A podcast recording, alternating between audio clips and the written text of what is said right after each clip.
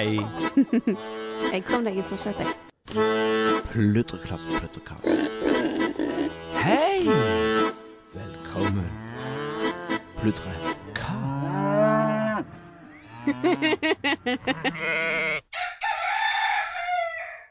Hallo! Å, hei! Hjertelig velkommen til Gjengevold pludrekast. Uh, ja, i dag eh, snakker vi i en mikrofon. Det snakker vi om etterpå. Ja. Kjetil, i går gjorde vi noe vi aldri har gjort før. Eh, ja. Vi, vi danste ikke lombarder på bordene. Vi hadde konsert på Gjengevold. Yes. Det var veldig koselig. Sånn, eh, sånn eh, Vi hadde griseflaks med været, for så vidt. Men eh, det til siden. Denne overbygde verandaen vår, den er gull. Gang på gang, den.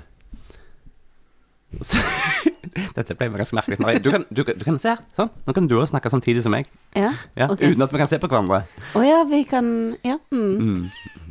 det er ikke mer komplisert enn som så. Um, Men det var veldig stas. Det vil vi gjøre mer av, var poenget. Det var en eh, fin eh, blanding av tilreisende og lokale, og var en del av programmet på Økoveka, som begynte i, i går. nei, det begynte i forgårs, Fredags. altså på fredag. Ja. Så vi er i programmet. Ja. Jeg har Um, det her. Programmet. Det er Økoveka 2022 Bergen. Eh, hvis dere hører denne podden ganske snart, så har dere fremdeles tid, for det varer fram til 2. oktober, dere. ja, og så har vi jo lyttere fra hele landet. Ja, Og de har økouka også i hele landet. crazy. Så det fins helt sikkert noe som skjer der i nærheten av der du bor. Mm. Så alle bør gå inn på sin sin økouke og se. Og det er da uh, nyttig å være klar over at det er ikke bare liksom batikk og dansing rundt bålet. Uh, veldig egentlig klemming av trær. skuffende lite Egentlig litt dansing dansing rundt bålet. Ja. det er, men det er masse fornuftig uh, og hyggelig eh, kulturting og diskusjonsting og omvisninger. Åpne gårder. Masse stas. Kurs. Masse kurs. Mm. Og eh, er det eh, nasjonalt eh, slagord for anledningen? Ja. Takk for maten. Mhm. Hashtag takk for maten. Så det føler vi passer bra. Så vi hadde eh, matservering og konsert med en del egne matvarer i maten. Det var kjekt. Mm. Og så har det jo vært et crappy dyrkeår, så vi måtte supplere med litt eh, innkjøp, da. Men ikke si det til noen. Nei, men det var mest vårt eget. Ja. Og så hadde vi eget, eh, eget kjøtt òg. Eget sauekjøtt og eget hjortekjøtt. Mm. Og det ble kjempegodt. Kjempegod mat. Jeg er enig. Ja. Det ble, ble ganske bra. Ja. Ja. God kraft er nøkkelen til mye. Nei, men altså eh, Helt på ekte så er jeg så eh, fornøyd med det vi fikk til i går. Um, vi har jo tenkt på å ha en konsert der ganske lenge, og så har vi ikke fått fingeren ut, eller vi har hatt litt for mye annet å tenke på. Og så fikk vi en utfordring om å arrangere noe i Økouka, og da tenkte vi at yes, det er vår anledning til å gjøre det som vi har tenkt på. Og da fikk vi inn en veldig flink eh, artist som heter Eli Gauden, som er lokal, eh, og som òg er bonde. Og det er veldig kult. Jeg føler det samsvarer veldig med temaet. Mm. Og det var så Jeg syns det var så magisk stemning. Nå har det jo begynt å bli mørkt på kveldene, så folket kom før det var blitt mørkt, og så ble det gradvis mørkere etter hvert som folk satt og spiste og hørte på musikk. Og så kom Vi har jo hengt opp masse lys her ute på terrassen, og det var stearinlys, og det var varmelamper, og det var bare Jeg syns stemningen var så fantastisk god. Og veldig bra med sånn stearinlys, lysekrone, som eh, sender lys. Ja. Litt sånn elegant plassert trekvartprofil eh, fra Eli, Mm. som sto. Ja, det var flott. Ja, og det, um, dette med kultur og musikk er jo noe av det som vi har kjent vi har savnet mest uh, fra vi bodde i byen.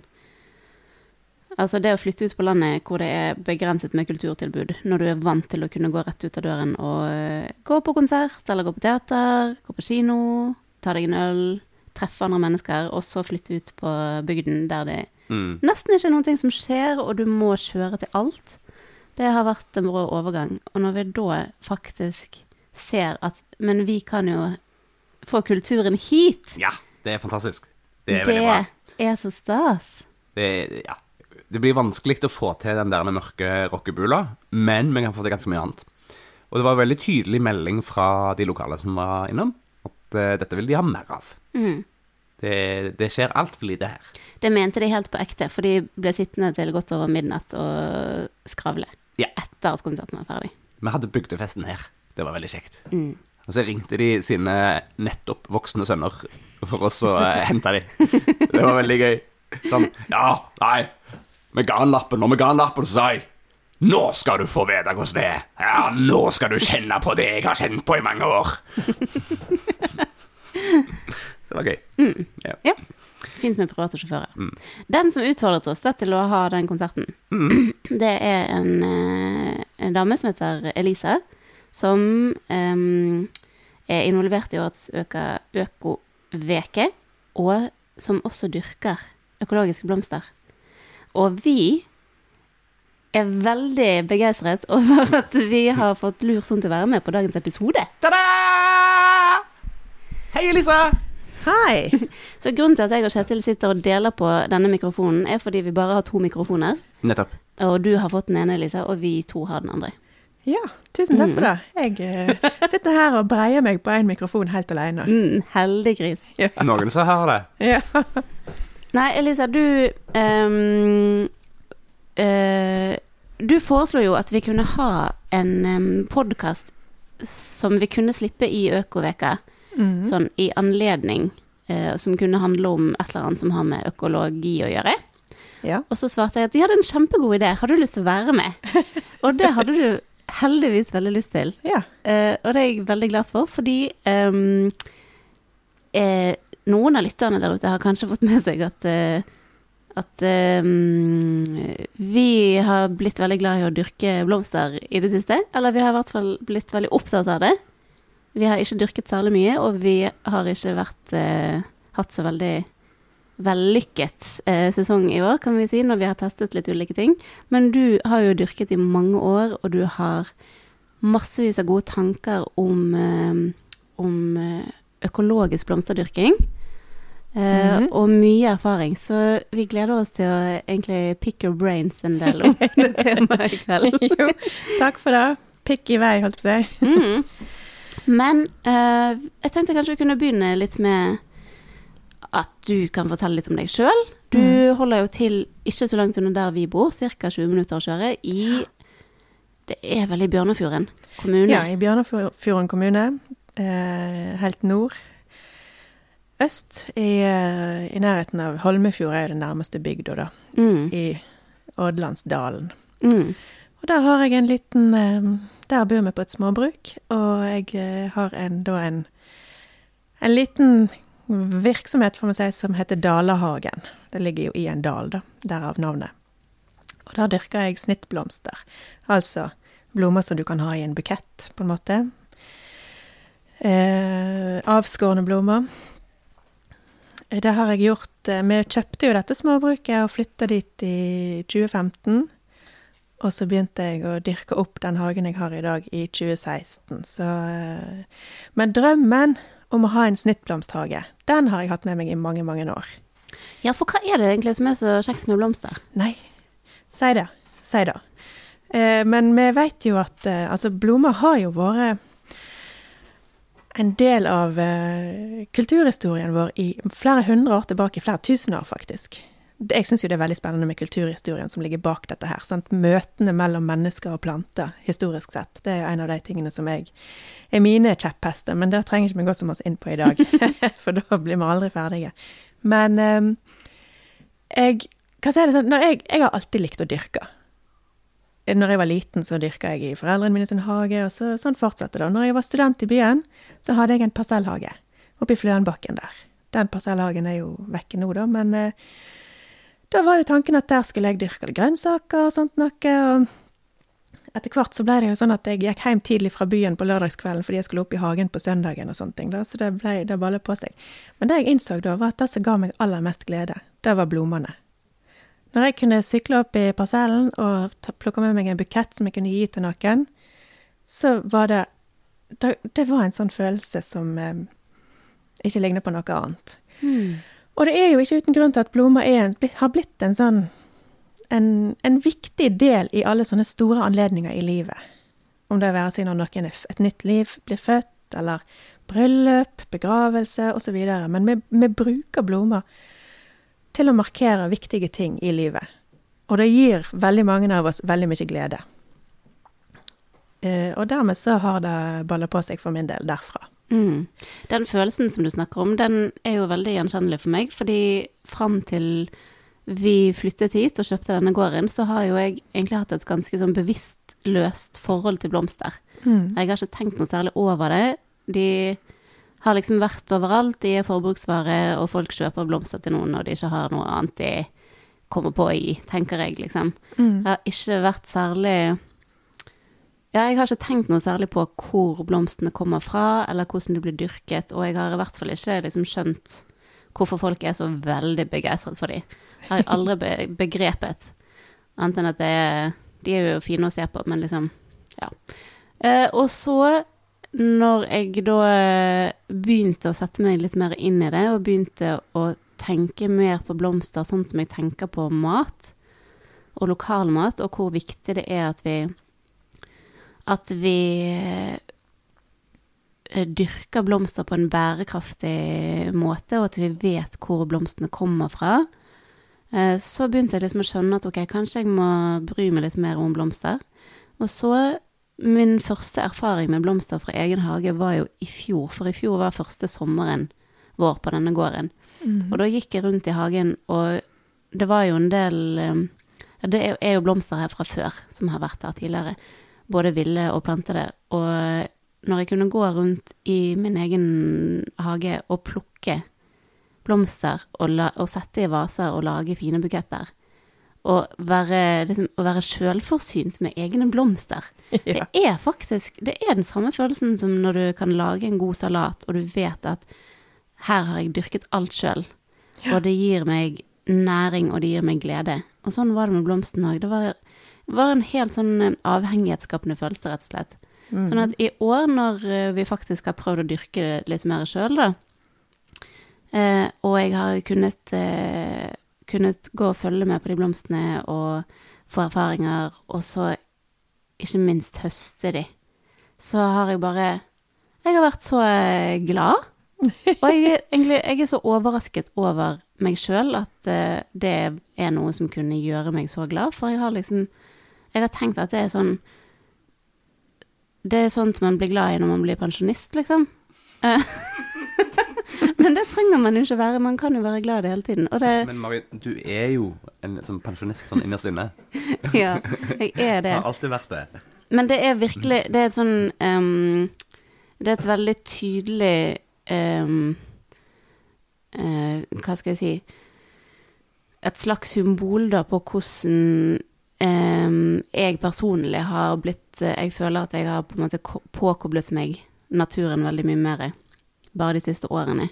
Og det er den blomstergleden et eh, veldig tydelig uttrykk for, da. Mm. At plutselig så ser jeg de og legger merke til de og setter pris på de på en helt annen måte enn jeg har gjort før. Men eh, du har alltid visst at du har likt blomster. Ja, vet du, jeg har det.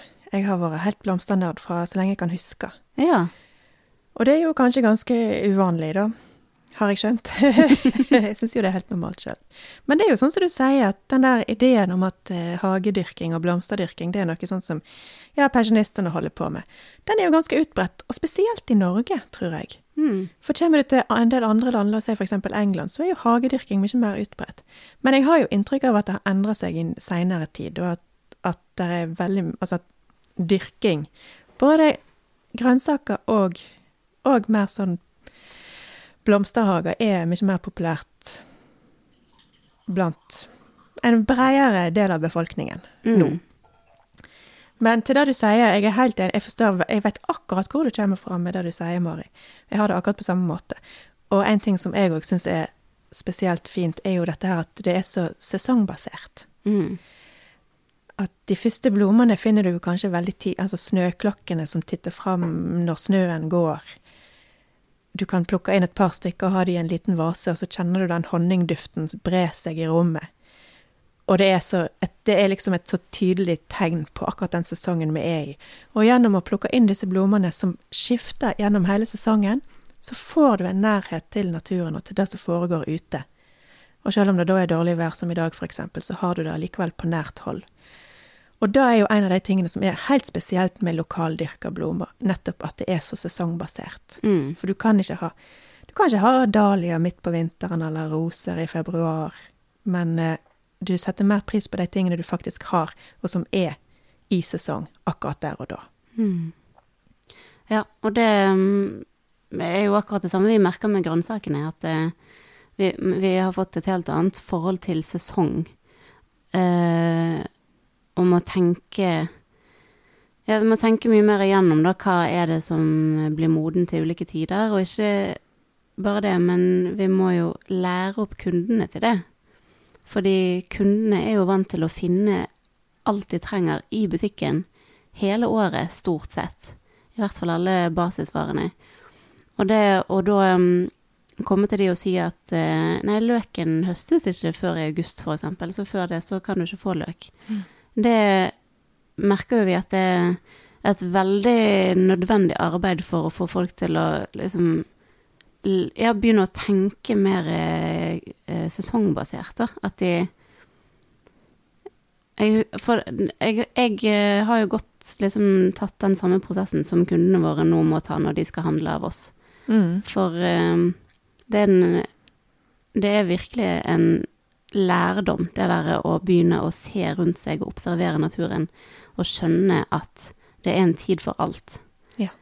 Eh, og det Ja, det er jo veldig fint på en måte, for da setter man så uendelig mye mer pris på det når det faktisk er i sesong, og så kan man glede seg til ja, i, i februar eller mars, når det og det kommer, og så kommer Ja.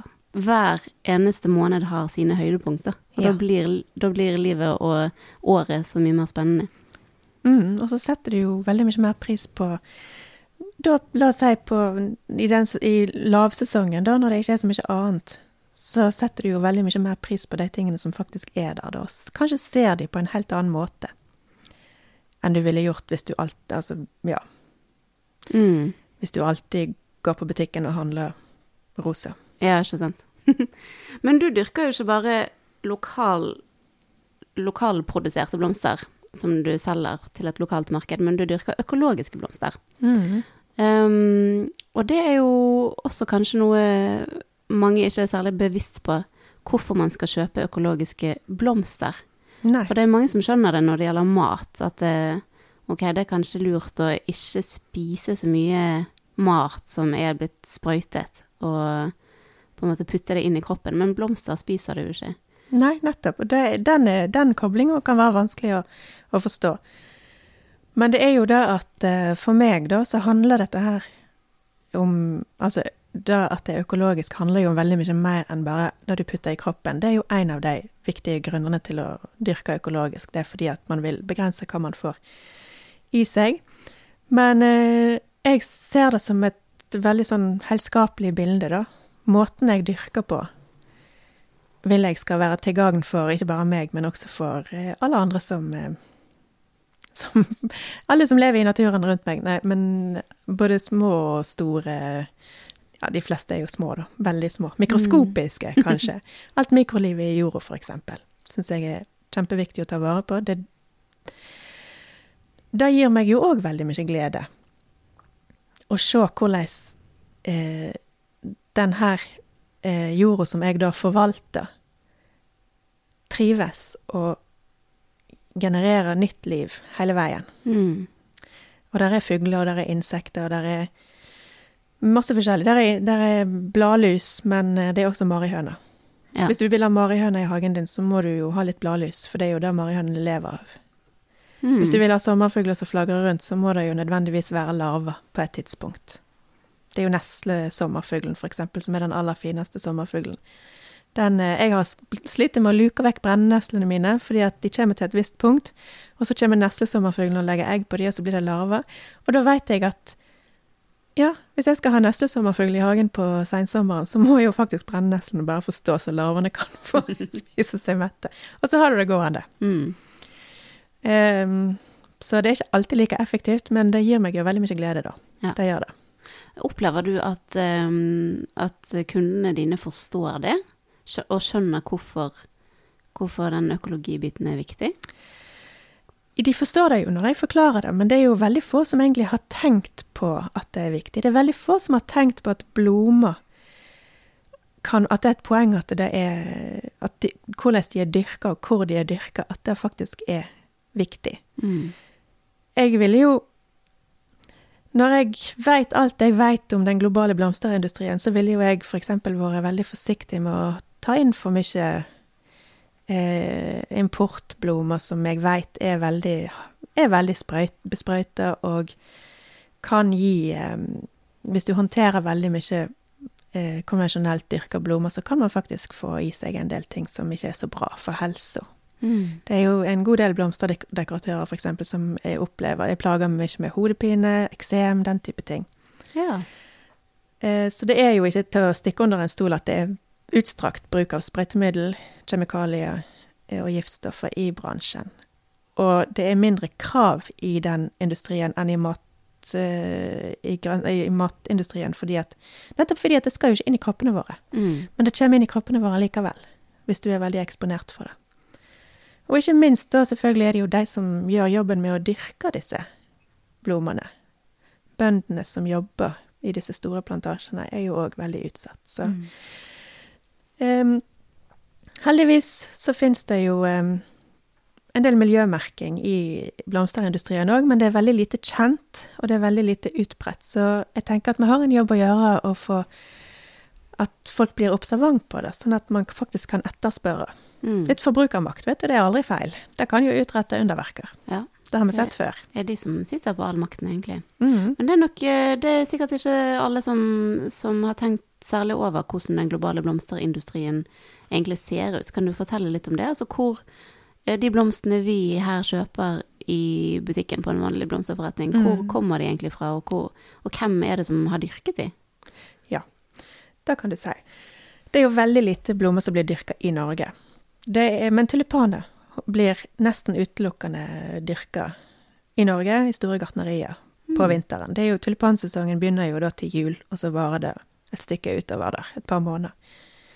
Så, og det, det er nesten alt norskprodusert. Men det er også det eneste.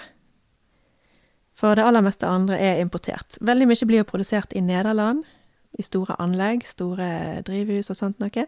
Men det er òg veldig masse som kommer lenger ifra. Og her hos oss så er eksempel alle roser kommer jo fra Afrika. Mm. Kenya, Etiopia. Og der blir de produsert i kjempestore anlegg.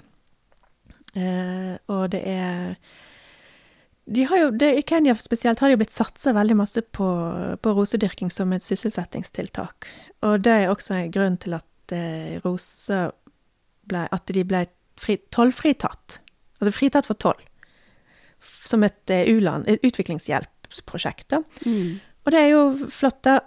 Det som ble resultatet, var jo at eh, det ble så billige roser at norske rosedyrkere ble knekt. Så det fins ikke. Det er nesten ingen roser som blir dyrka i Norge lenger. Men eh, Så det er klart, de har reist langt, disse rosene. Og de eh, blir jo dyrka i som sagt svære drivhusanlegg med kjøling når det er nødvendig, og varming når det er nødvendig. Så faktum er jo at blomster i dagligvarehandelen er den varen som har størst klimaavtrykk, faktisk. Mm. Av alt. Ifølge en engelsk, en britisk studie. Det er ganske vanvittig. Det er nok ikke mange som tenker på det. Nei. Nei. Nei, man ser jo bare på en blomst, og så tenker man den var grønn og fin, da er den sikkert miljøvennlig. Ja. Jeg, jeg kunne sikkert ha tenkt det, i hvert fall. Mm. Mm. Det er jo eh, Men blomster vil jo folk ha. Så derfor syns jeg at eh, det er viktig at hvis du går, når du går til din eh, lokale blomsterbutikk, så spør. Spør om miljømerking. Spør hvor er disse blommene fra. Har de noen slags sertifisering? Det har de mest sannsynlig ikke, for det er nok veldig få som etterspør det. Men hvis flere begynner å etterspørre, så kan vi kanskje komme et sted. Ja, og hva for noen eh, ordninger eh, finnes det der ute da, som man kan spørre etter? Eh, Det er iallfall um, to store som jeg vet om, og nå kan jeg ikke huske i farten akkurat hva de heter. Eh, FSI, tror jeg. Ja. FSI tror jeg er, ja, en ganske kjent en, og så er det en til som jeg ikke kommer på. Men det er um, Der er noen. Mm. Og da kan, hvis du kjøper det, så er du på en måte garantert at disse på et eller annet vis er mer miljøvennlige enn Mm. andre blomster. Mm, ja. Men det er bare miljø, da? Det ikke, mm, har ikke noe med sosiale forhold å gjøre, eller? Nei, så har du jo Fairtrade-merking òg, da. Det fins jo roser som er Fairtrade-merka. Mm. Og det jo, vil jeg jo anbefale å kjøpe da foran andre roser. Ja. Eh, som, for da er det en viss eh, garanti. Mm. Men eh, disse merkingene er jo Ja. Ja, det er bedre enn ingenting. Ja. Det er det. Selv om de kanskje ikke er ideelt eh, Altså at alt er så bra som det burde vært, så er det jo et steg på veien. Og det er det viktigste. Ja, Absolutt. Men så er det jo òg eh, sånne som deg, da, som faktisk dyrker her i Norge, og der kundene sjøl kan komme og eh, se hvordan de dyrkes, og ha direkte kontakt med deg som er dyrker. Ja, for det er jo noe nytt òg som har spredd seg og blitt mer og mer utbredt i, eh, ute i verden i de seinere, la oss si, ti år kanskje. Mm. Slow flowers osv. Det er blitt eh, Det er blitt en greie, altså. Ja, at, og hva er det som kjennetegner det? At det er, at det er direkte salg, og at det er Ja, det er nok mye direkte salg, altså direkte til forbruker. Og det er jo gjerne et litt annet uttrykk enn de blommene du får i en blomsterbutikk. Ting som eh, Det ser litt mer, litt mer viltert, litt mer naturlig ut, kanskje. Det er jo en egen estetikk i det, mm. ofte. Og så en annen fordel er jo at det er klart at når blomster skal transporteres langt av gårde, enten på fly eller på, i lastebiler, så må de jo tåle litt røff behandling. Og det utelukker en god del blomster da fra den vanlige handelen. Mens når jeg skal dyrke ting lokalt og ikke trenger å frakte det langt av gårde, så har jeg en mye større muligheter til å Ja. En mye større variasjon, da. Mm. Fordi at jeg er ikke så avhengig av at det skal kunne pakkes i esker og fraktes uten vann i flere dager, og så gjenopplives et helt annet sted. Mm. Så da har jeg, kan jeg bruke mye mer, har med flere strenger å spille på når Ja, jeg lager mine Det er jo buketter. veldig gøy, da. Har du noen eksempler på blomster som, som folk kan kjøpe av deg nettopp av den grunn, som de ikke finner i en forhandler? Ja, altså for, nå, for eksempel georgine, dahlia. De får du jo kjøpt i blomsterhandlerne, men det er eh, De kan ikke klippes i knopp. De må være helt utsprungne når du klipper de, fordi at det, knoppen vil ikke springe ut så lenge den er klippet. Mens de aller fleste blomster blir jo frakta i knopp, for da tåler de jo mye mer Da er de ikke så utsatt for å bli ødelagt og sånt Ja. underveis. Men georgine kan jo ikke De må være utsprungne. Og jeg snakket for, bare for et par uker siden så snakket jeg med en, en blomsterbutikk her eh, lokalt som tok kontakt med meg fordi at eh, skulle, hun skulle lage en brudebukett, og det var et ønske om å ha georginer, men de var så dårlig kvalitet, de som hun fikk fra, importert fra Holland. De var så stygge at det var nesten ikke verdt pengene, og hun måtte bestille 50 stykker om gangen, og av de så var kanskje halvparten ødelagt og ubrukelige. Mm. Så da fikk hun ei bøtte hos meg i stedet for, med litt forskjellige georginer i den fargeskalaen, og var veldig fornøyd med det. Det må jo være luksus for uh, sånne som hun òg, å kunne ha tilgang på helt lokale blomster. Mm. Men hva er det som har skjedd i Norge eh, de siste årene, eller hva skjer nå på blomsterfronten her i Norge? Ja, det dukker jo opp flere små eh, sånne som meg, Ja? som dyrker litt, heim, altså dyrker litt forskjellig i liten skala, da. Og det eh, lønner seg jo fordi at man har nå en helt annen mulighet til å selge direkte til forbruker gjennom rekoringer og lokalt nettverk og sånt noe.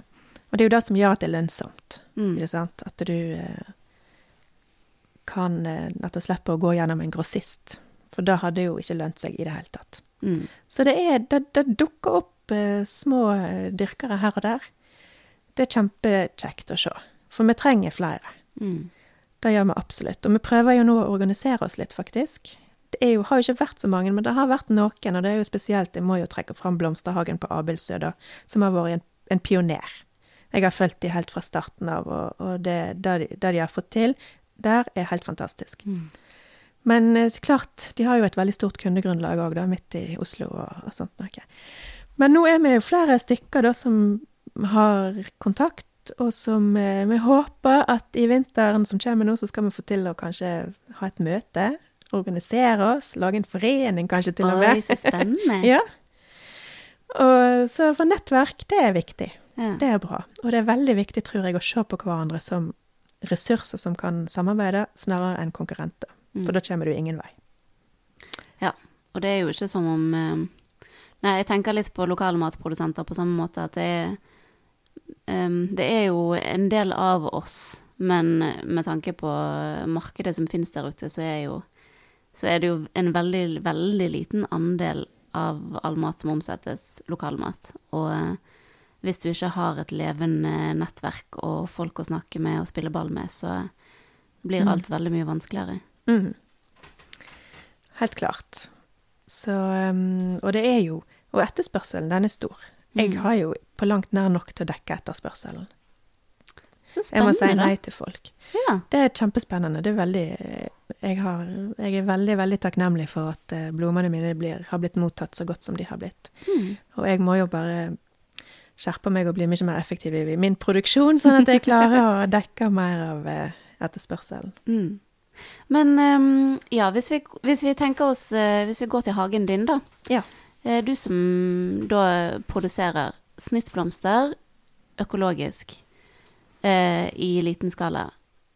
Eh, hva er det Hvordan ser den driften ut kontra noen som ville dyrket konvensjonelt? Altså hva er det du må tenke på, og hva er fordeler og ulemper for deg sammenlignet med en som kunne ha sprøytet, f.eks.? Altså for det første jeg, mm, jeg Den mest iøynefallende forskjellen er jo selvfølgelig at jeg er jo mye Det er jo liten skala. Det er jo mye mindre. Jeg dyrker jo på ett mål nå, per nå. Utvider det litt hele tiden. Eh, og så Og så er det jo eh, tradisjonelle på en måte store dyrkere dyrker jo gjerne én ting. Det er en monokultur. De dyrker ett planteslag, en blomst, som de da selger til en grossist i store mengder. Det må de jo gjøre for at det skal lønne seg. Jeg selger direkte til forbruker, så jeg må jo ha en stor variasjon. For jeg skal sette sammen, selge en bukett. Da må jeg ha mange forskjellige elementer i den buketten. Ikke sant? Jeg, så jeg må ha liksom et, en stor variasjon, en stor bredde. Og det er jo en fordel ikke bare akkurat når det gjelder i salgsprosessen, men også i dyrkinga. Fordi at det er jo ikke til å komme vekk ifra at vi er på Vestlandet her. Det kan være ett år er det varme og tørke, og et annet år så er det, som i år eksempel, så er det bare utømmelige mengder med regn og iskaldt. Så det er alltid noe som slår feil. Men så er det alltid noe som går bra òg. Så det er om å gjøre å ha flere bein å stå på, i min erfaring. Mm. Eh, ja. Nå veit jeg ikke om jeg svarte på spørsmålet i det hele tatt. Hva er det som eh, Altså, i denne, la oss kalle det ganske ekstreme sommeren, da, som Mm. aldri egentlig blir sommer, hva er det som har trivdes i dette været? Vet du, høststråblomsten Ja. har vært helt fantastisk. Den, jeg, den så jeg ikke komme. Så jeg burde hatt mye mer av det. Men eh, det jeg hadde, ble kjempefint. Mm. Og så satser jeg òg nå på en del mer stauder, altså flerårige blomster, som jeg vet som trives i litt sånn fuktige forhold. For det er jo nesten alltid fuktige forhold hos oss. Men mer stauder, ja, som kan eh, da Som står der år etter år og leverer varene. Eh, sånn at ja. En kombinasjon av ulike ting Mm. er bra. Men høstrablomsten har vært fin. Georginene som jeg eh, Ja, man har jo litt godt av det òg, å bli jekka ned et par hakk. For du blir litt Du får kanskje litt Blir litt uh, høy på pæra og tenker at georgine, det har jeg full kontroll på. Det er alltid steikende fine georginer hos meg. Og så i år så har de liksom begynt å blomstre nå, akkurat i tide til frosten. Mm. Fordi det skjedde jo ingenting hele juli. Sto helt stille. Det var så kaldt. Så um, ja. Man blir jo ikke høy på pæra av dette her, iallfall. Det er sikkert. Um, hvor mange ulike typer blomster er det du dyrker, egentlig? Oi. Um, altså, jeg har et, eh, jeg har et eh, Excel-ark som er langt som et vondt år, med alle mulige data. Jeg må jo, jeg må jo følge, sørge for at jeg skriver ned absolutt alt hvert år, sånn at jeg har liksom At jeg vet Har sammenligningsgrunnlag til neste år, når jeg sår ting, og når jeg planter ut, og når ting blomstrer, og hvor lang tid det tar, osv., osv. Så, videre. så der har jeg ca. 100 rekker der, da, på ting jeg har sådd i år. Mm. 100 forskjellige Det kan altså ikke, ikke 100 forskjellige arter, men 100 forskjellige varianter. Altså, av det kan det være ti ulike løvemunn, f.eks. Ja. Og så i tillegg til det så har jeg jo da flerårige ting, og løkblomster og busker og knoller og mm. Så det er, det er mange ting å holde styr på. Mm. man, man trenger den eh, dødtiden på vinteren for å planlegge ja, sant. godt. Men du, eh, fortell litt om hagen din. Du har både eh, et drivhus og frilansspill. Mm. Mm. Hva, er du, hva er det du dyrker hvor? Eh, jeg har en, en drivhustunnel på ca. 100 kvadrat, og der dyrker jeg jo ting som er mer varmekjære, da. Sinnia, for eksempel, som er en veldig fin snittblomst. Og så er det sånn den, Og den fungerer Drivhuset, eller tunnelen, fungerer jo veldig godt som for å strekke sesongen òg, for der kan jeg starte ting mye tidligere. Ting som egentlig kunne stått ute, løvemunn eksempel, og levkøy. Men når jeg planter de ut veldig tidlig i april, så betyr det at jeg får blomstring i mai-juni. Ja. Eh, der ting, jeg ikke, ting ute ikke ville begynt å blomstre før seinere. Midt på sommeren, kanskje. Så det er jo om å gjøre for meg. For meg er det veldig fint å ha så mye blomster så tidlig som mulig, og så seint som mulig. Midt på sommeren så er ikke folk så interessert i å kjøpe blomster, er det, men det er liksom tidlig og seint i sesongen, så er det bra. Mens midt på sommeren så er det jo mer sånn bryllup og den type ting som er viktige salgskanaler. Mm. Mm. ja. Jeg kan se for meg at uh, drivhus har veldig mye å si for, for hvordan du kan utnytte sesongen. Eh, Jeg prøvde òg å dyrke litt, eller ja, prøvde å dyrke litt grann løvemunn i år. Og de har jo ikke begynt å blomstre før nå i september. Nei, sant. Ja. Ja, det er en kunst der, å få det, å planlegge det sånn at du har jevnt med, med blomster så lenge som mulig. Mm. Jeg eh, prøver å få det til sånn at jeg, det begynner å blomstre hos meg i midten av april, og så skal det ideelt sett vare til midten av oktober. Ja, sant. Så da har du Blir det seks måneder nå? Ja, Mm. sant? Da har du halve året. Så sesongen er jo lengre enn for eksempel Dette er det jeg sier til folk når de sier ja, men du kan ikke dyrke blomster i Norge. Så sier jeg ja, men jeg har lengre sesong enn jordbærdyrkeren eller epledyrkeren eller sånt noe. Så det faktisk er jo Det er jo sant. Mm, absolutt. Kan du eh, ganske sånn kjapt eh, gå igjennom de grove em, kategoriene av blomster fra april til oktober? Når er det de kommer, liksom? Ja, ja, det kan jeg. Det første som kommer hos meg, er jo tulipaner. Og da er det jo løker som jeg har satt om høsten, og har de i drivhus.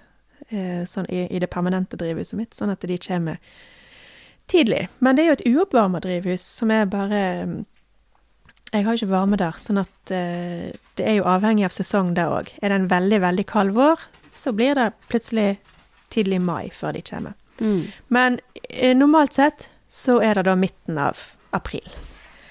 Og så følger narsissene, altså påskelilje, pinselilje og sånne ting på ute. Og så jeg, setter jeg opp eh, setter jeg duk på drivhustunnelen min ca. 1. april og planter ting ut der. Og så har jeg i mai og juni så har jeg blomstring der, gjerne sånn tidlige ting som sibirvalmue og levkøy. Og så har du også anemoner og ranunkler og sånne ting som trives i en lang, kjølig vår, og blomstrer da før det blir for varmt. Og så når juli kommer, da begynner jo ting å Sommerblommene som jeg har sådd tidlig, de begynner jo da etter hvert å blomstre. Og så er egentlig august og september den aller fineste tida, for da eksploderer alt. Mm. Iallfall ideelt sett. Hva er en sommerblomst? Ja. En sommerblomst er en ettårig plante. Det vil si at du sår den fra frø om våren, og så vokser den opp til en plante som da begynner å blomstre om sommeren og holder det gående.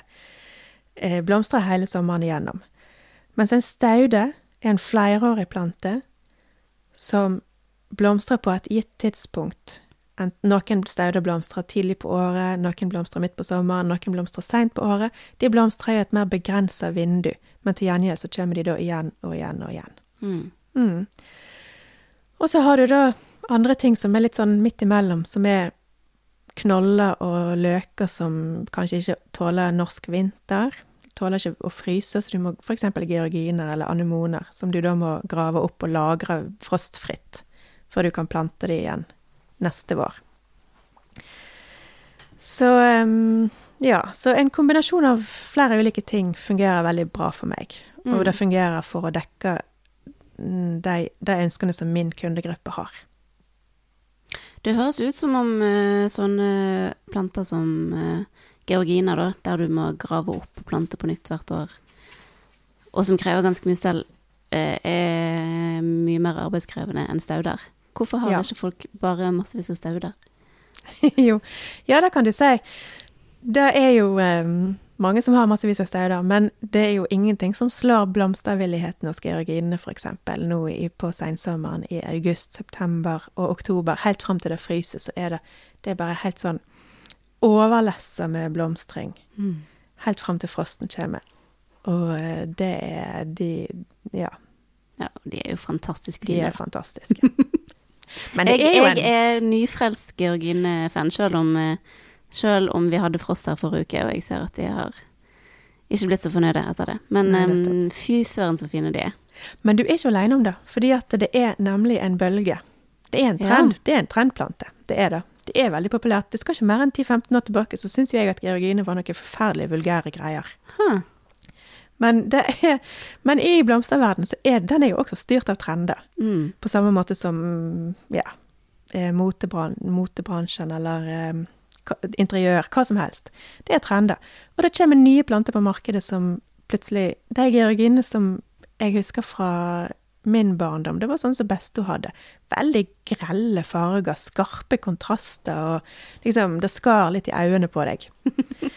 Mens i dag så får du jo veldig mye mer sånn duse farger, som litt sånn skitne farger som er veldig inn nå for tiden, ikke sant? Mm. Og som når det, ja, fargene glir litt over i hverandre. Og, så vi er, jo, vi er jo veldig trendstyrt Ja. i hagene våre òg, altså. Det er ikke til å komme vekk ifra. Vi tror det kanskje ikke, men jo da. Hvor er det du em, følger med for å holde deg oppdatert på, eh, på disse Altså, hvis man er en blomsterdyrker, hvor Mm. er det man henger og følger med for å få siste nytt innen faget sitt? Ja, det, er jo, det er jo Instagram, det. Det Ja. er jo helt klart. Absolutt. Og det er jo, man kan si hva man vil om Instagram og sosiale medier, men for meg så har det vært gull i forhold til å knyte kontakt med andre i Jeg har kontakt med andre dyrkere over hele verden, egentlig. Og, og ikke, også selvfølgelig å ha kontakt med kundegruppa mi og vise tilbudet mitt. Og det er nesten sånn at jeg må være litt forsiktig med å legge ut eh, bilder fordi at da, av noe fint, for da får jeg plutselig mye mer bestillinger enn jeg har, kan håndtere. Hvis det, så, så jeg må holde litt tilbake av og til, da. Hvis ikke jeg vet at jeg kan eh, ja, oppfylle alle ønskene. Men eh, ja. På Instagram så finner man veldig mye fint, og der eh, ser en jo òg Altså det er sånn Du kjenner jo sikkert til den georginen som heter Café Olé, Mm. som jeg tror egenhendig lanserte hele den nye georginetrenden. Men altså, jeg har jo forsøkt å gjøre et uh, hashtag-søk på Instagram med, på Café Olé, og det kom opp flere blomster enn det gjorde kaffe, da, for å si det sånn. Så det er, ja. Mm, det er der en finner det, det siste hotte. Ja. Er det noen spesielle emneknagger du følger med på for å Ja, for å finne nye dyrkere og sånn? Ja, nå tror jeg ikke jeg kan følge flere nye dyrkere, for jeg har mer enn nok fra før. Men um, det er jo altså uh, slow flowers, for eksempel. mm. Seasonal flowers. Og så er det jo um, Hvis man trenger et sted å begynne, så er det jo dronninga, da. Eh, som heter Florette Flowers Ja. i USA. Og hun har jo òg veldig mye av æren for at hele denne slow flowers-bevegelsen har blitt så populær Mm. i nyere tid. For hun tar fantastiske bilder og er en utrolig god formidler og veldig sjenerøs med å dele av sin kunnskap. Og hun har skrevet flere bøker, og jeg ser du har jo ja. Du har jo Jeg har bøker Ja. av eh, eh, Blomsterhagen på Abelsø Ja. og Florette. Ja. Og de, begge de Ja, hun Floretta har jo skrevet flere. Um, og de er bare så Altså, man blir jo helt matt av hvor vakkert det er. Mm. Altså at det går an å lage noe som ser så fint ut, og alle blomster Nei, alle bildene er bare så fantastisk nydelige. Men jeg syns òg at, at begge de bøkene er kjempenyttige når det gjelder rent praktisk Ja. Mm. Altså hvis du er nybegynner og ikke aner hvordan, hvordan du skal gå fram, så er det liksom veldig tydelige og gode steg for steg. Eh, dette Absolutt. dyrker du om våren, om sommeren, om høsten. Sånn må du tenke på når du skal så, sånn må du tenke på når du skal høste, disse redskapene trenger du, osv. Så, videre. så det, jeg, ja, det må jeg bare anbefale. Ja, og begge de to har jo òg veldig veldig gode nettsteder der du finner utrolig mye informasjon hvis en bare leter. Både Blomsterhagen og Florette. Mm. Så det er Ja. Det er mye å finne der. Nei, vi, får, vi må virkelig være takknemlige for folk som orker å bruke så mye energi på, på å dele den kunnskapen de har. Mm. Det inspirerer så mange. Men du, jeg har så Altså, jeg, det er så mye vi kunne snakket om. eh, og jeg har veldig lyst til å snakke en del om eh, Altså om bedriften din. Mm. Eh, men før det så vil jeg gjerne snakke litt om jordhelse òg. Ja. For det er jo noe som er veldig sentralt Altså det er jo sentralt for all produksjon, men spesielt når du skal drive økologisk, så er det jo det Mm. man gjerne tenker på først og fremst. Um, og hvordan tenker du på det når du dyrker? Hva slags jord har du, og hva for noen Mm. tiltak gjør du for å sørge for at jorden er sunn? Mm. Ja. Nei, hva skal jeg si, minst mulig. Nei, men måtte jo, vi måtte jo gjøre noen eh, store grep i starten, for dette her er jo sikkert litt likt som hos dere. Det er et vestlandsbruk, det er, var vassjuk, eh, gammel myrjord, som helt sånn svart, vet du, når du grov opp, så kjente du svovellukten og, mm, og så videre. Og den første den første sommeren jeg anla Vi fikk jo på en måte planert ut hele området. Har gode naboer, vet du. Det er så kjekt på bygda. Naboer med gravemaskin og traktor og så videre. Så fikk pløyd liksom et Fikk et blankt lerret, på en måte. Frest ned noe sauemøkk og litt sånt forskjellig. Og så begynte jeg med friskt og freidig mot å legge opp eh, bed og så videre, og tenkte det var en god idé. Det er ganske flatt hos meg, da, i motsetning til hos dere. Men litt helling er det jo, så jeg tenkte at det er sikkert lurt å lage bedene på en måte på tvers av hellingen. Dette var i 2017. Det var en veldig våt sommer, litt som i år. Og hva skjedde? Og jeg var helt i startgropa, dette her var jo mer et hobbyprosjekt. Det var jo et hobbyprosjekt. Jeg kjøpte 50 georgineknoller. Det var en stor investering for meg da. Og planta de, og alle drukna. Å nei. For disse bedene mine som lå på tvers av helling, og de bare samla jo opp alt vannet, og det ble mer som en sånn rismark enn noe annet. Og alt ble jo helt overgrodd av ugras og så videre. Så det var Det var ikke en god sesong. Året etterpå så la jeg om hele greia. Kjørte litt sånn eh, seng, altså senger som er liksom litt opphøyd, sant. Så vannet fikk renne vekk, og 2018 var en superfin sommer. Med nydelig vær, varmt var det, og jeg hadde fantastiske blomster. Og det var første året jeg begynte å selge. Mm. Men eh, jeg kjører Altså utover da at eh, vi pløyde og freste da i starten, så kjører jeg sånn no dig-metode. Altså jeg graver minst mulig. Legger på gjødsel og kompost på toppen. Og bruker jorddekking. Jeg bruker jo sånn markduker, da. Mm. Det ser ikke så fint ut, men det er helt nødvendig, ellers så kan jeg bare gi opp. Mm, For da blir det så stort ugraspress. Men eh, ja, så jeg prøver å bearbeide jorda mest, minst mulig, men eh, tilføre organisk materiale og ja, sånt noe. Og jeg ser jo resultatet, helt klart. Det er en hel, noe helt annet nå enn det var. da. Ja, så du ser at Ja, ja, ja, har blitt bedre? Mm. Ja. Og hvordan, hvordan ser du det? Altså når du Hvis Jeg du ser, at det er veldig mye, jeg ser at det er veldig mye liv, det er utrolig mye meitemark og, og, og sånne ting. Og så er, er det en helt annen følelse òg, når du Altså, det er mye luftigere, Ja. fått en annen farge, Um, og ting trives. Det er veldig motiverende. Ser jeg til. Mhm. Mm, det Hva, er en, hva er det du legger oppå de bedene, da? Av gjødsel og Nei, det er jo Jeg har ikke hatt eh, Det blir litt tilfeldig, fordi eh, uansett hvor gode planer jeg har, så eh, blir det aldri helt sånn som jeg hadde planlagt. Men jeg produserer jo lager veldig mye kompost sjøl. Av grøntmateriale og sånt noe. Og så har vi høns, og alt dette her går inn i ett eh, system. Så jeg legger ikke kompost på alt hvert år, men litt utvalgte ting. Og så er jeg heldig med at jeg har en nabo som driver med sau. Og eh, da får jeg tilkjørt masse sauemøkk hvert år som kan ligge og Som jeg prøver å få til å kompostere bra i, i hauger da, da. Som jeg òg bruker. Og så ja, prøver jeg meg litt fram, rett og slett. Ser Mm. hva som fungerer, og hva som ikke fungerer. Mm. Pelletert hønsegjødsel bruker jeg jo òg en del, da. Som Ja. Marihønegjødsel. I år lagde jeg, fikk jeg endelig somle meg til å lage neslevann for Ja. første gang. Neslegjødsel. Eh, jeg tok klart å ta de der brenneslene før det ble for mye egg på de. og da, det var, veldig, det var veldig gøy, for den lagde jeg på våren. Hadde et par tønner, og så har jeg jo vatningsanlegg i drivhustunnelen. Sånn at jeg pumper opp vann fra elva mi, og fyller opp en tank, og så blir det sendt ut i sånn dryppvatningsanlegg i tunnelen.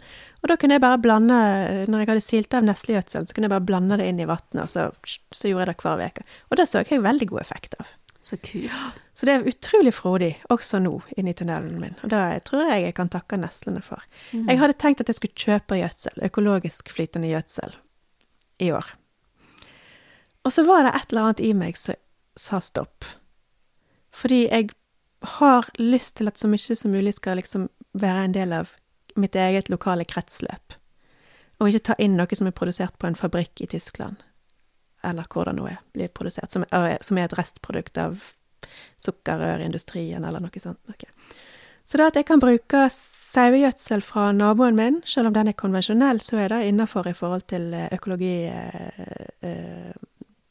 økologireglene. Og jeg kan bruke ressurser som jeg finner sjøl på min egen eh, jord. Mm. Det er, det er veldig givende, da. Det må jeg Mm. si. Og det kan jeg gjøre fordi at jeg driver så liten skala. Det, funker, det funker for meg. Så um, jeg tror på det der å holde det enkelt. Jeg trenger ikke ha så mye maskineri. Jeg trenger ikke traktor. Vi har en tohjulstraktor med, sånn, eh, med fres, Mm. men jeg trenger ikke noe mer enn det. Bruker den minst mulig. Mm, så lave investeringer gjør jo at eh, det er lettere å holde ting i gang. Mm. Ja, det, vi har eh, brukt litt neslevann i år. eh, og vi har jo ikke holdt på med det lenge nok til å se noen Til å kunne sammenligne. Vi Mm. har jo bare to år, og i fjor var det kjempetørt og varmt, og i år har det bare vært regn og kaldt, så Mm. det er liksom Ja. Men, um, men ja, det å lage brenneslevann er jo så enkelt, og så billig, for brennesler er overalt. Ja. Og hvis folk liksom bare fikk øynene opp for det og skjønte hva, hva de har i nærheten som de kunne bruke helt Mm. gratis, som er minst like bra som det du får kjøpt på butikken, så er Mm. jo veldig mye av jobben gjort. Jepp. Trenger ikke være nesle heller, det kan være egentlig hva som helst. Mm. Um, men du, ok, vi må snakke litt penger òg, for jeg er så glad i å snakke om penger. Ja. Du har gjort noe skikkelig stort og skummelt uh, Mm. for ikke så lenge siden, og det er at du uh, sa opp jobben din for Mm. å satse på blomsterbedriften din. ja. Og så eh, hele Altså de første årene du holdt på med det, så har du jo hatt inntekt og jobb ved siden av dyrkingen, Mm. men så Mm. valgte du å ta det skrittet at nå vil du prøve å se om du får det til uten. Mm. Um, hvordan går det? Ja, det var jo feil år, da, å gjøre det, for å se det rett ut. For dette her har vært den dårligste sesongen jeg har hatt så langt. Eh, Så det har ikke vært, eh, har ikke vært veldig fett. Men eh, jeg får nå bare putle på og prøve å ta lærdom og eh, satse på at det går bedre neste år. Men det jeg ser, er jo at altså, jeg må jo satse bredere enn å bare tenke kjøp og salg av blomster, for produksjonen min er jo for liten til det. Og jeg er bare én person, så det er òg begrensa hvor stor produksjon du kan ha. Eh, Så det er jo på en måte formidlingen av kurs og, og sånne ting som eh, er, er- er bra for. Og jeg, jeg har hatt dyrkningskurs i vår, der det kom folk som ville ja, lære litt om hvordan jeg dyrker snittblomer, og så hadde jeg litt sånn at eh, hadde pluggbrett og jord og frø og sånne ting som folk kunne så sjøl, og så reiste de hjem med et pluggbrett fullt av potensiell, en potensiell snittblomsthage, rett og slett. Mm. Og det var kjempepopulært. Jeg startet med å sette opp én kursdag. Jeg har ikke plass til så veldig mange om gangen, da. Men jeg endte jo opp med å ha fem dager. Eh, og så har jeg hatt litt bukettkurs i sommer, og så pleier jeg å ha julekranskurs og sånne ting. Og jeg er jo veldig glad i å drive med formidling. Jeg har jo holdt på med det hele yrkeslivet mitt i ulike varianter, sånn at Jeg har, og nå har jeg holdt litt foredrag om eh, blomster og kulturhistorie og sånne ting òg om vinteren. Så jeg liker jo veldig godt den kombinasjonen eh, at, av at å drive med formidling og treffe folk, men også da å kunne være hjemme og putle på mutters aleine i hagen og bare forholde seg til småplantene. det er Mm. veldig fint, det òg. Så jeg er veldig fornøyd med kombinasjonen. Men jeg håper jo at eh, det skal bli litt bedre sesong neste år, sånn at det faktisk kan bli eh, litt mer eh, penger i kassen. Ja. ja, for som du sa, så er jo etterspørselen Du vet på en måte at etterspørselen er Ja. der, det er ikke det som er problemet. Det er Nei. bare å dyrke nok. Mm. Hva um, Hva koster en blomst, egentlig? Hm. Det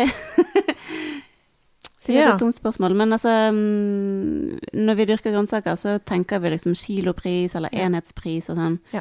Og så eh, er ikke den kanskje alle som tenker over Hvis man skal starte å selge blomster sjøl, da, Mm. hva er det liksom som er riktig pris for en blomst? Ja, den er vanskelig. Men en tar jo utgangs, må ta utgangspunkt i stilkpris, altså enhetspris. Mm. Og så vil jo den prisen variere litt etter hva det er. Blomsterbutikkene eksempel betaler jo per stilk når de tar inn mm, blomster fra, eh, fra sine leverandører. Mm. Så betaler de så og så masse per stilk, og så eh, legger de på eh, Tar de sine påslag og moms og sånne ting på det. Så vi må jo eh, Det er jo viktig å ikke Ja, selge for billig. Det er lett Mm. for at det blir det. Jeg syns Ja. det er vanskelig sjøl òg, for du vil jo gjerne at det skal være noe som folk har råd til. Ikke sant? Så den, der, den avveiningen der er kjempevanskelig. Men um, altså generelt sett så jeg, må, jeg prøver å være streng med meg sjøl. Når jeg selger en bunt med fem solsikker, så er det veldig greit. Sant? For da kan jeg si Da kan jeg rekke det Da koster det 150 kroner, og da blir det 30 kroner per stilk, og så må du ta vekk en del, fordi at det går jo vekk en del i moms og skatt og utgifter og sånne ting, så kanskje sitter du igjen med halvparten. Mm. Når jeg skal lage en bukett, så kunne jeg jo selvfølgelig ha telt stilker og regna på det, eh, men i praksis så blir det jo mer magefølelse. Så jeg tror nok kanskje at folk eh, får, får litt for pengene når de Mm. får buketter hos meg, i forhold til hva de ville gjort i en blomsterbutikk. Så kan, jeg burde nok vært strengere på, på prisen, men eh, prøver jeg jo da i stedet for å ha litt ulike prisklasser. Mm. Eh, ja. Er det noen blomster som er mye dyrere enn andre fordi det er vanskeligere å dyrke, eller Ja da, det må man ta med i betraktningen òg. Er det mye er det, er det mye jobb med å prosessere dem, Fordi at du, du, du må jo gå ut i hagen, og så må du klippe den, og så må du renske stilkene, og så må du det, Noen ganger er det mer jobb enn andre ganger. Så alle disse tingene må du ta med i kalkylen. Sinja, for eksempel, er jo eh, et styr mm. med det. Så den burde jo egentlig koste mye mer Ja. enn en del andre ting, fordi det er så mye arbeid å høste da. Eh, og så har noen planter produserer jo mye, mange blomster per plante, mens andre kanskje bare produserer én blomst per plante. Så det òg spiller jo inn på prisen. Mm. Ja, så eh, det er mange ting, og det, ja, det er en hel vitenskap, egentlig, prissetting. Ja. Det regner jeg med det for grønnsaker òg. ja, ja, det er det på alt. Vi ja. aner ikke om vi Altså, hvis du, hvis du virkelig skal gå inn for det, så bør du jo em, både regne inn alle råvarekostnadene og sånn, og eh, ikke minst regne på timene du bruker på alt. Mm. Mm. Og for noen ting er det ganske lett, og for andre ting er det veldig vanskelig. Ja. Hvis du eksempel skal eh, regne på kjøtt, og du har hatt de dyrene i et år, og du har passet på de i et år, Mm. eh, så er det jo ikke sånn at du går rundt og skriver ned hver eneste dag hvor mange timer du har brukt på alt. Nei. Og akkurat det samme er det jo med, med planter og med blomster. sant? Mm. Jeg så de første frøene i januar. Passe på disse her små, små plantene gjennom månedene, og plante de ut når det er tiden, og sluke og stelle. Og Hvor mange timer blir det da per blomst, per Mm. stilk? Jeg aner ikke. Nei, ikke sant. Og så skal det jo ikke bare dekke arbeidsinnsatsen og kostnadene, men helst også eh, andre driftsmidler som ikke er det som kunden kjøper, men som Mm. for eksempel er nye drivhus eller Ja. traktor eller hva det nå enn måtte være. Mm. Men um, ja, nå, nå driver du på ett mål. Mm. Og hvis du tenker at eh, Ja, hvis du, hvis du får til alt så bra som du vil, og, og alt går etter planen, hvor mye tenker du at det er realistisk å omsette for på et år på et mål? Ja. Nei, det har jeg egentlig aldri tenkt på. men jeg har jo eh, Men altså, jeg vil jo gjerne ha en omsett... Altså, jeg vil da må jo, Jeg må jo kunne klare å komme opp målet nå i første omgang, tenker jeg. Jeg må være en omsetning på 500 000. Mm. Hvis jeg får det til, da blir jeg fornøyd. Ja. Det hadde vært kult. Men jeg er ikke helt der ennå. Men eh, jeg har trua. Jeg Mm. tror det er innenfor rekkevidde. Ja.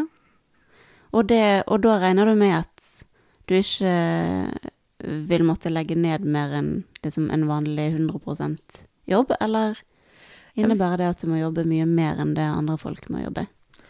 Hvis du spør familien min, så sier de at du er jo på jobb hele tida. Men det er jo går opp og ned. Det er noen dager. Når jeg har det travelt, når jeg har f.eks. leveringer, så jobber jeg hele dagen fra morgen Mm. til kveld. Men andre dager tar det jo, er det jo rolig. Og så er det jo en eh, stillere i visse deler av året enn andre deler, så jeg tenker det er helt greit. Jeg eh, jobber gjerne mer intensivt i perioder, og så kan jeg ta det roligere i andre perioder. Jeg det, det, det Jeg trives med det. Mm. Mm. Så lenge det ikke er like intensivt hele tida. Nei, ikke sant. Nei, jeg merker jo det, vi òg, at nå når høsten kommer og det blir mørkere, så gir det veldig mening at at vi roer mer ned. Ja. Alt tilsier liksom at nå, Mm. nå kan vi trekke inn og ta det Gå i litt saktere tempo, og så Mm. når julen kommer og nyttåret kommer, så kan vi liksom virkelig ta en pause, for da er det ingenting ute Nei. som vokser. Det er ingenting å passe på. Det er ganske deilig, egentlig. Det er, veldig, det er en helt annen måte å forholde seg til arbeid på. Ja. Eh, altså både jobb og liv. Hvis man Hvis man eh, bare følger året og kjenner etter hva som er naturlig. For det når våren og sommeren kommer, så, så har man jo plutselig veldig lyst til å være ute hele tiden. Mm. Har man jo ikke lyst til å gå inn tidlig. Nei, nei, nei. Så nei. det kommer jo helt av seg sjøl, den der arbeidslysten når det blir Ja visst. lysere. Visst gjør det det. Mm. Men nå, um, ja, nå har ikke det gått eh, superbra i år, men vi håper at neste år blir eh, mye bedre. Mhm. Og eh, hvis du tenker framover, da, tenker på eh, bedriften din framover, Mm. når du skal bygge den og skal prøve å oppskalere og, og få enda litt mer inntekter. Um, tenker du at det er mest strategisk å utvide produksjonen? Altså, for du har jo nevnt at du eh, har mer areal å gå på. Du kunne ha Mm. utvidet Mm. arealet du dyrker. Um, det krever jo mer arbeid, og så kanskje du måtte liksom fått mer hjelp, eller noe sånt. Mm. Mm. Eller tenker du at det er mer eh, strategisk å satse på andre tilbud i tillegg til selve blomstene, sånn som kurs og aktiviteter? Ja. Eh, jeg tror litt begge deler, egentlig. Jeg må nok få opp produksjonen, men eh, jeg er jo òg veldig glad i å drive med de andre tingene, som du nevnte. Men vet du hva jeg har begynt å tenke mer og mer på det siste? Det er jo at eh, å knytte mer nettverk med andre dyrkere. Samarbeide mer. Jeg har ikke helt klart for meg hvordan det skulle kunne fungere, men jeg har jo, når jeg har hatt for lite her nå i år, så har jeg måttet eh, kjøpt inn litt. Jeg har heldigvis to andre i rimelig avstand som jeg kan få påfyll fra når jeg har trengt det. Og det har vært gull verdt. Og da har jeg liksom tenkt Er det noen muligheter for å tenke litt kollektivt her? Mm. At man kunne ha slått seg sammen, og at jeg De tingene som jeg har gode forutsetninger for å dyrke, at jeg fokuserer på det. Og så kan andre gjøre noe annet, og så kan man på en eller annen måte få til en utveksling og et samarbeid. Er ikke det en spennende tanke? Det er kjempespennende. Ja. Jeg, jeg har ikke noe, noe mer konkret enn akkurat det. Det er noen tanker som har begynt å svirre litt grann hos meg Mm. i de siste ukene. Og så syns jeg jo at vi må stimulere til flere blomsterdyrkere. Og så syns jeg at kanskje vi må prøve å få flere norskdyrka blomster inn i blomsterbransjen. Blomsterbutikkene. Det burde det være rom for i sesong. Eh, Så det er et mål for meg, altså, nå.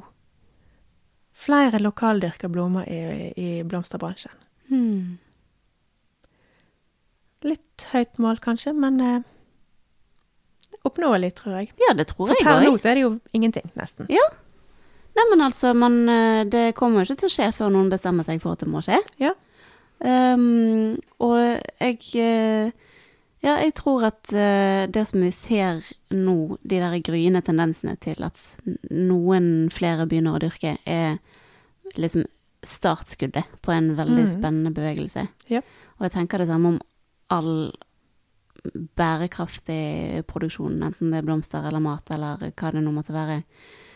At uh, nøkkelen ligger i at vi begynner å snakke mer sammen Mm. og samarbeide. Mm. Og jeg tenker det hele tiden bare på alle bøndene som er her i nærområdet, som putler på med sine egne ting, Mm. uh, og som har sine problemer, og som ikke snakker sammen, og ikke Ja. prøver å få løst de Mm. i fellesskap. Tenk hvor mye vi kunne fått til hvis vi bare begynte å jobbe på tvers og snakke mer sammen. -hmm. Altså, Absolutt. Da er det jo bare Da er det jo ingen grenser, egentlig. Mm. Nei, så jeg syns det er veldig spennende å høre at det er snakk om å eh, kanskje få til en organisasjon, eller eh, mer samarbeid da, blant mm. de som finnes. Mm. Det tror jeg absolutt eh, kommer til å bære frukter.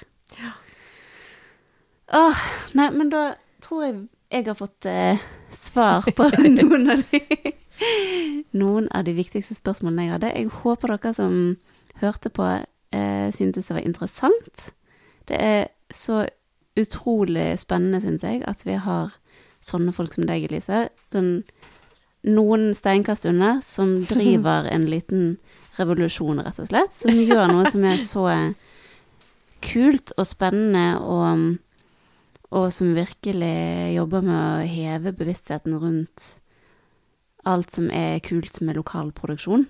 For Mm. eh, det er så mange som legger merke til deg, og som legger merke til de andre som dyrker. Og ja, for hver eneste nye kunde du når ut til, da, så er det jo noe som endres. Tror jeg virkelig. Ja, håper det. Um, helt på tampen, har du noen eh, Har du noen gode råd til de som sitter og lurer på om de skal begynne å prøve å dyrke litt blomster for salg? Det er jo bare å kaste seg uti det, tenker jeg. Mm. Fordi at du må prøve før du kommer noen vei videre. Um, men jeg tenker at, uh, som jeg var inne på tidligere, så er det det aller beste er jo å prøve å jobbe med det du har. Så hvis du blir Du må, du må vite hva Altså bli kjent med den jorda du har. Finn ut hva det er som trives, hva som funker hos deg, for det er ikke det samme hos meg som for eksempel hos eh, eh, en annen blomsterdyrker jeg kjenner nede i Randaberg som dyrker på sandjord, for eksempel. Sant? Det er helt andre ting som trives. Og finn ut hva, som, hva du mestrer, hva som trives hos deg, og hold deg til det. Perfeksjoner det. Men det, den er jo vanskelig, selvfølgelig, så man må jo prøve seg litt fram, og så blir man kanskje overraska underveis. Så prøving og feiling er gull verdt. Mm. Og hvis du, hvis du lurer på hva som ser fint ut, så er det jo bare å ta en kikk på Instagram. Der, er, Der må man eh, bare følge med. Der er det masse fint å finne. Ja. Amen. Yes. Tusen, tusen takk for besøket. Det var veldig hyggelig at du ville være med på podkasten vår. ja, det var kjempekjekt at jeg fikk komme. Eh, Jeg òg satte veldig pris på å høre på alt sammen. Men det ble litt masete med den mikrofonen, så jeg bare satt og hørte på. Det var kjekt. Tusen takk. Du er kul. Takk for det. Takk for det. Takk i like måte. Da får dere ha en fin uke, alle sammen. Så snakkes vi neste gang. Plutselig. Tudelu! Ha det bra.